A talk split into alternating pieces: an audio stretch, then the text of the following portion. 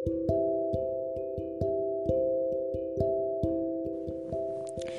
balik lagi bersama aku Tika di Romantika, Romantis bersama Tika. Um, kali ini aku bakal bacain part 3-nya. Ini udah belum ada tanda-tanda kebucinan di sini ya. Mungkin kita akan bertemu bucinnya tuh nanti setelah uh, part berapa gitu kan. Nah, bagian tiga ini akan mulai menceritakan tentang pertemuan mereka gitu kan. Jadi kita langsung aja. Bagian tiga. Mimpi buruk datang untuk tetap menjadi dirimu atau The Nightmare Come to Remind You. Budiman menganga kaget dan buru-buru bangun untuk menerima uluran tangan Tori. Tidak tidak menyangka sang fotografer adalah perempuan mungil dengan penampilan ala punk rock begini. Eh, Mbak Tori, saya benar-benar gak nyangka loh. Budiman merasa segan. Jangan ambil hati, waktu itu saya memang lagi gak mood omongin kerjaan hari itu. Saya minta maaf ya. Senang bertemu Anda Pak Budiman. Panggil saja saya Tori. Oh, saya juga. Silahkan duduk. Pertemuan itu berlangsung santai dan positif. Budiman menjelaskan tugas story untuk lima majalah di bawah grup Bizer. Kesamaan konsep, tapi menyesuaikan genre majalahnya. Waktu pemotretan satu bulan, untuk persiapan juga eksekusi akhir.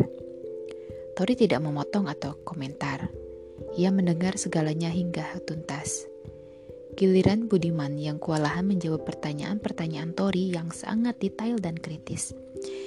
Sisi sibuk mencatat di agendanya. Aduh, sumpah dari pemikiran lo detail banget.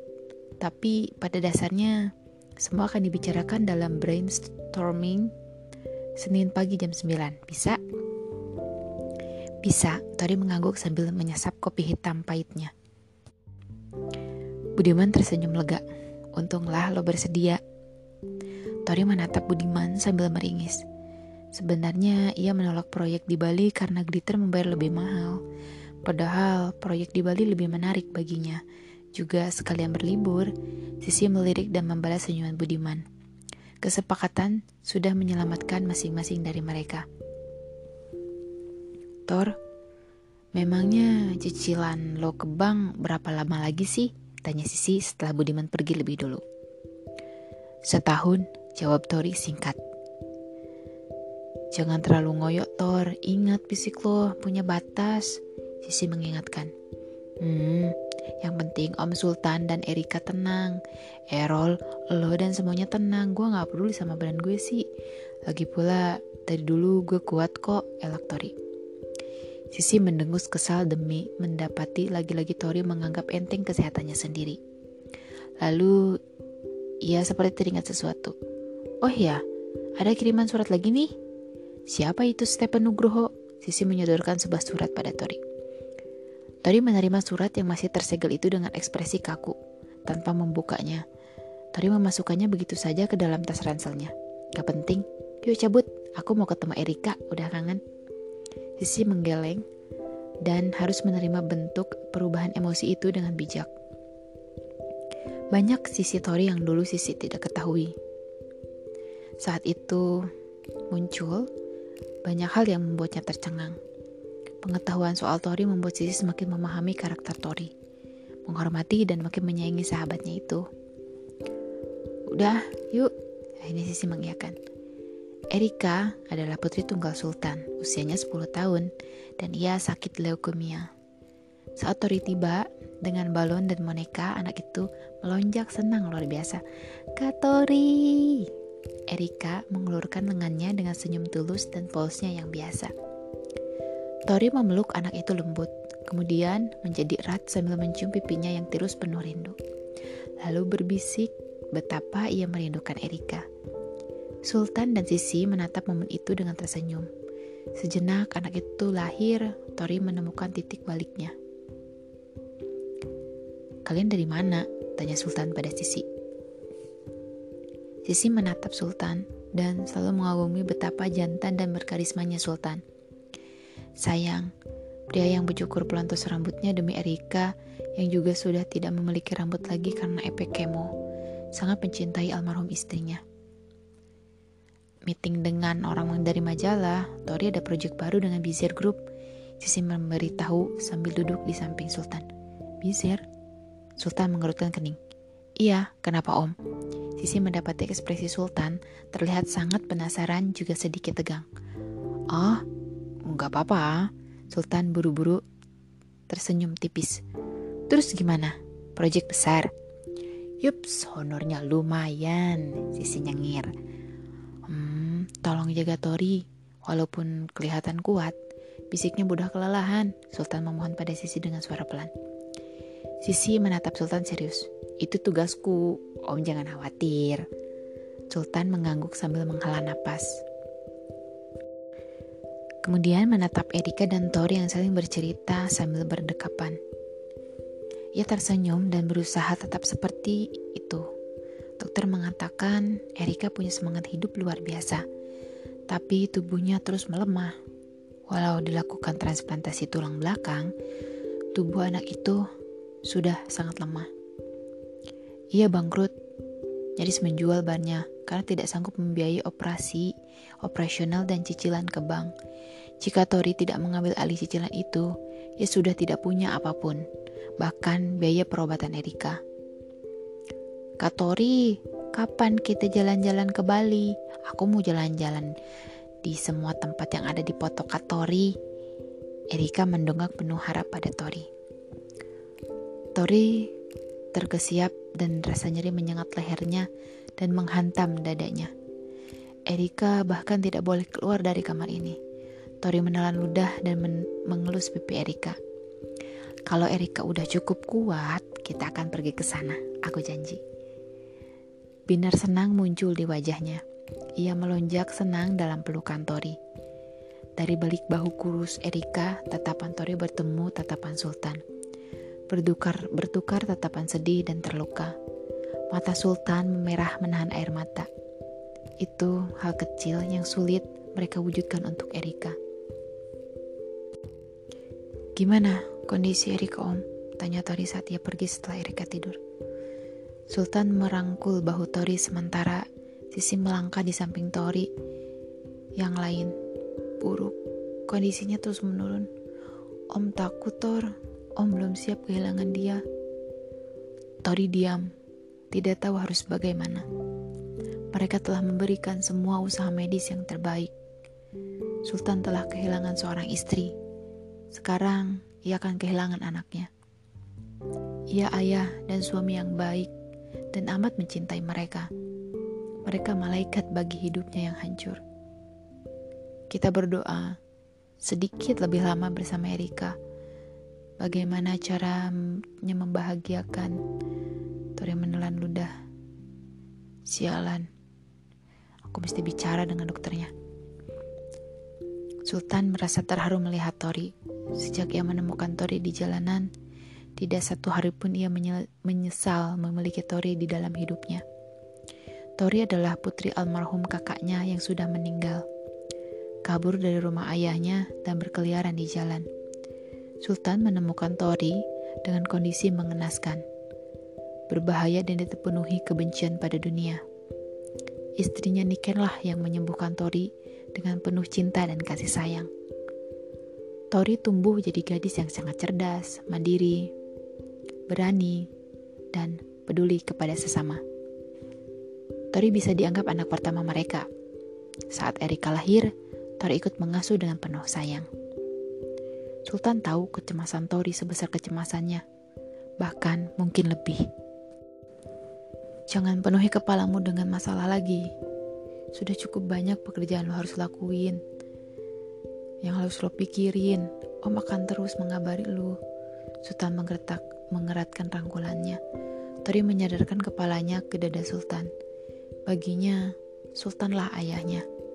Pria ini yang penting baginya dan dia berniat melindungi siapa pun yang penting baginya. Sis, bisa minta tolong pesenin makanan di kantin. Sebelum pulang, kita makan bareng ya. Aku mau ngomong pribadi sebentar sama Om Sultan. Tori menggenggam jemari Sisi sebelum meminta tolong. Sisi mengangguk dan langsung bergerak ke kantin. Om, bagiku yang penting sekarang adalah kalian. Kalian keluargaku. Erika adik kesayanganku. Aku harus tahu apa yang bisa membuatnya bertahan hidup. Bahkan, tubuh ini bisa kuberikan. Tapi dokter sudah bilang sumsum -sum kita berdua nggak cocok dengannya.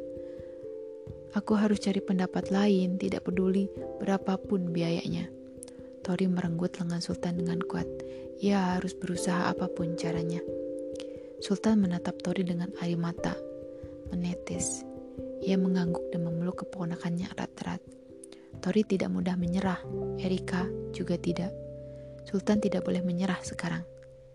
Tidak tanpa perjuangan hingga batas terakhir. Biayanya dari mana pun akan ia lakukan bahkan jika terpaksa harus menjual bar pada akhirnya. Mereka sedang berkumpul untuk diskusi persiapan brainstorming besok. Errol memberi beberapa masukan rencana pemotretan dari konsep yang dikembangkan oleh Tori. Tori menyetujui beberapa masukan Errol. Pria itu merupakan wujud dari semua hal kasar. Tubuhnya yang tinggi rata-rata, memiliki otot binaragawan, tato di mana-mana, kecuali wajahnya yang sudah memiliki bekas luka melintang di pipinya sebelah kanan. Wajahnya yang sebenarnya tampan, terlalu muram dengan tambahan luka di pipi. Aura Errol makin terasa kelam. Rambutnya lurus dan panjang sebahu, hitam dan lebat, membuat iri para wanita yang ingin punya rambut seperti itu. Tapi ia tidak memiliki aksesoris tindik di tubuhnya, bahkan di telinga. Sebagai seniman tato, Errol dan Tony merupakan partner sempurna. Er A Errol ahli dalam detail. Tori cerewet soal detail. Errol punya filosofi yang diterapkan pada tato. Tori menerapkan pada foto. Errol merupakan seniman tato jalanan saat Tori membuat tato pertamanya di pergelangan tangannya. Tori mulai berteman dengan Errol dan berjuang bersama di jalanan. Tori pernah menyelamatkan Errol dari pengeroyokan dan menariknya dari lembah hitam. Meminta pada Sultan untuk mengawasinya saat ia sekolah di Perancis. Mereka bersahabat. Errol tahu semua masa lalu Tori, demikian juga sebaliknya. Roll, siapin kamera ya, cek semua. SD card dan kosongin portable hard disk untuk transfer foto. Tori mendesal lelah dan bersandar untuk lebih rileks. Ia memejamkan mata langsung tertidur. Errol dan Sisi bertatapan melihat bos mereka terlihat begitu lelah. Sisi memberi isyarat dengan anggukan agar Tori bisa istirahat. Tori bisa tidur di mana saja jika sudah kelelahan. Fisiknya mungkin tidak, tapi ia punya banyak masalah yang harus ia pikul. Masalahnya, Tori tidak pernah mengeluh. Ia hanya minta tolong secara terselubung tanpa menceritakan masalahnya. Erika kondisinya memburuk. Sepanjang hari ia menghubungi beberapa temannya menarak menanyakan dokter yang terbaik. Bisik Erika. Errol mengerutkan kening dan menjadi murung. Erika adalah malaikat semua orang. Anak itu tidak pernah menangis manja, menyusahkan dan banyak tertawa. Bahkan sebelum sakit, Erika telah begitu menyenangkan banyak orang. Tori kembali dari luar negeri dua tahun lalu hanya untuk lebih sering bersama Erika. Walau pekerjaan di luar negeri sudah pasti lebih banyak di sana, sekarang pun Tori sering bolak-balik ke luar negeri untuk memenuhi proyeknya. Sisi menempuk bahu Errol lembut dan saling menukar senyum penuh pengertian.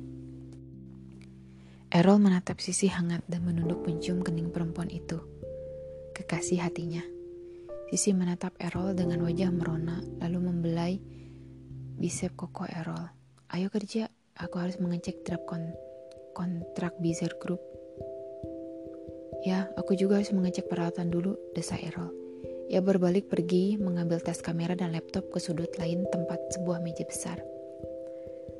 Ruangan itu tak bersekat, ditata se-efisien mungkin untuk bekerja dan juga menerima klien yang mau naik ke lantai tiga. Meja, kursi, lemari, dan rak ditata dengan minimalis dan nyaman. Paduan bunga dan pakis menyebar di beberapa tempat. Foto-foto karya terbaik Tori adalah gambar yang ada di dinding yang dicat putih. Foto-foto itu dicetak berukuran A3, semua berbingkai warna hitam polos. Sisi menyalakan musik jazz kesukaan Tori untuk menemani kegiatan mereka hari itu. Menemani Tori yang masuk ke dalam mimpi. Bunyi cetar itu menggema dan membuat kulitnya melupuh perih. Hentakan lagi, kulitnya terasa terbakar. Hentakan lagi dan kulitnya mulai berdarah. Lagi dan kulitnya mengelupas. Lagi, lagi, lagi, kulitnya terkelupas dan robek. Tori hanya di, bisa diam menunggu hingga sang Dewa Maut menjemput. Tapi ternyata Dewa Maut pun tidak menginginkannya. Hingga ia tersadar dan menyadari ia tidak pernah dicintai, tidak oleh siapa pun. Aku menyayangimu, putriku tercinta, bisik lembut ibunya saat usianya tujuh tahun. Bagiku, bagi kami, kamu adalah yang paling berharga bisik Tante Niken saat dia terbaring nyaris mati di rumah sakit. Aku sayang padamu kakak, Erika menyebutnya dengan tawa dan lengan mengembang untuk dipeluk. Lalu tiba-tiba bayangan gelap besar datang menyambar dan merik mereka semua dan lenyap. Tori berkesiap bangun dengan air mata berlinang yang membelalak dengan tatapan nyalang. Napasnya memburu, tubuhnya menegang dan keringat dingin mengucur. Tori, bisik sisi lembut. Errol tiba dengan cepat di samping lain dari sisi Tori. Menyentuh bahunya lembut, tapi tatapannya cemas. Sisi juga menatapnya khawatir. Aku, ah, mimpi buruk. Desa Tori sambil mengusap wajahnya dan menyadari ia telah bersimbah air mata. Lo nggak, lo nggak apa-apa sayang. Sisi memeluk Tori lembut. Kehangatan dan perhatian seseorang adalah obat dari semua jiwa yang tersesat. Tori bersandar di dada Sisi dan mendesah lega ada tempat bersandar. Gak apa-apa, hanya mimpi buruk. Aku hanya mimpi, bisik Tori lega. Bekas luka yang ada di punggungnya terasa nyeri setiap mengingat masa lalu itu. Ini, minum air dulu. Errol menyodorkan air minum untuk Tori. Tori meneguknya pelan, merasa lebih segar setelahnya. Sisi masih memeluknya dan mengelus lengannya lembut. Tori memejamkan mata, mereguk kasih sayang sederhana itu. Bahkan kehadiran Errol dan perhatian sederhananya begitu menenangkan cukup untuknya. Makasih ya, gumam Tori pelan. Hei, itu gunanya teman. Udah lebih baik? Tanya Sisi lembut. Tori mengangguk dan menjauh dari pelukan Sisi perlahan. Hanya mimpi tapi begitu menakutkan. Aku mau jalan-jalan dulu, kalian kalau mau pulang, gak apa-apa. Tori berdiri perlahan. Ia melangkah menuju meja kerjanya dan meraih tas ransel serta kunci motor dan ponselnya. Besok kita kumpul jam 7 ya. Mereka berdua hanya mengangguk sambil menatapnya cemas. Tapi tidak, tapi Tori tidak pernah mau disusul hanya untuk menenangkannya. Ia hanya butuh dibiarkan sendirian. Tori suka menenangkan diri sambil jalan-jalan santai dengan motornya, mendatangi taman-taman kota terdekat, dan jalan di sana sampai pikirannya lebih tenang. Karena ia selalu membawa kamera Canon EOS standarnya, ia akan memotret apa pun yang menarik. Cahaya yang menembus sela, sela rimbun daunnya. Tetesan air setelah hujan di tenda kafe yang sedang ia tongkrongi. Daun gugur berbentuk hati, di atas aspal berdebu, cengkrama sepasang kekasih, bahkan pertengkaran, interaktif keluarga, banyak hal, banyak kisah, ada perenungan di baliknya. Karena jalan jaksa cukup dengan taman, kota, jalan Suropati, Tori pun memutuskan untuk ke sana. Sesiang ini suasana masih sepi dari tempat biasanya anak muda suka nongkrong pada sore itu. Sambil melangkah pelan menyusuri jalan setapak, Tori menikmati keteduhan taman itu dengan kondisi hati yang mulai tenang.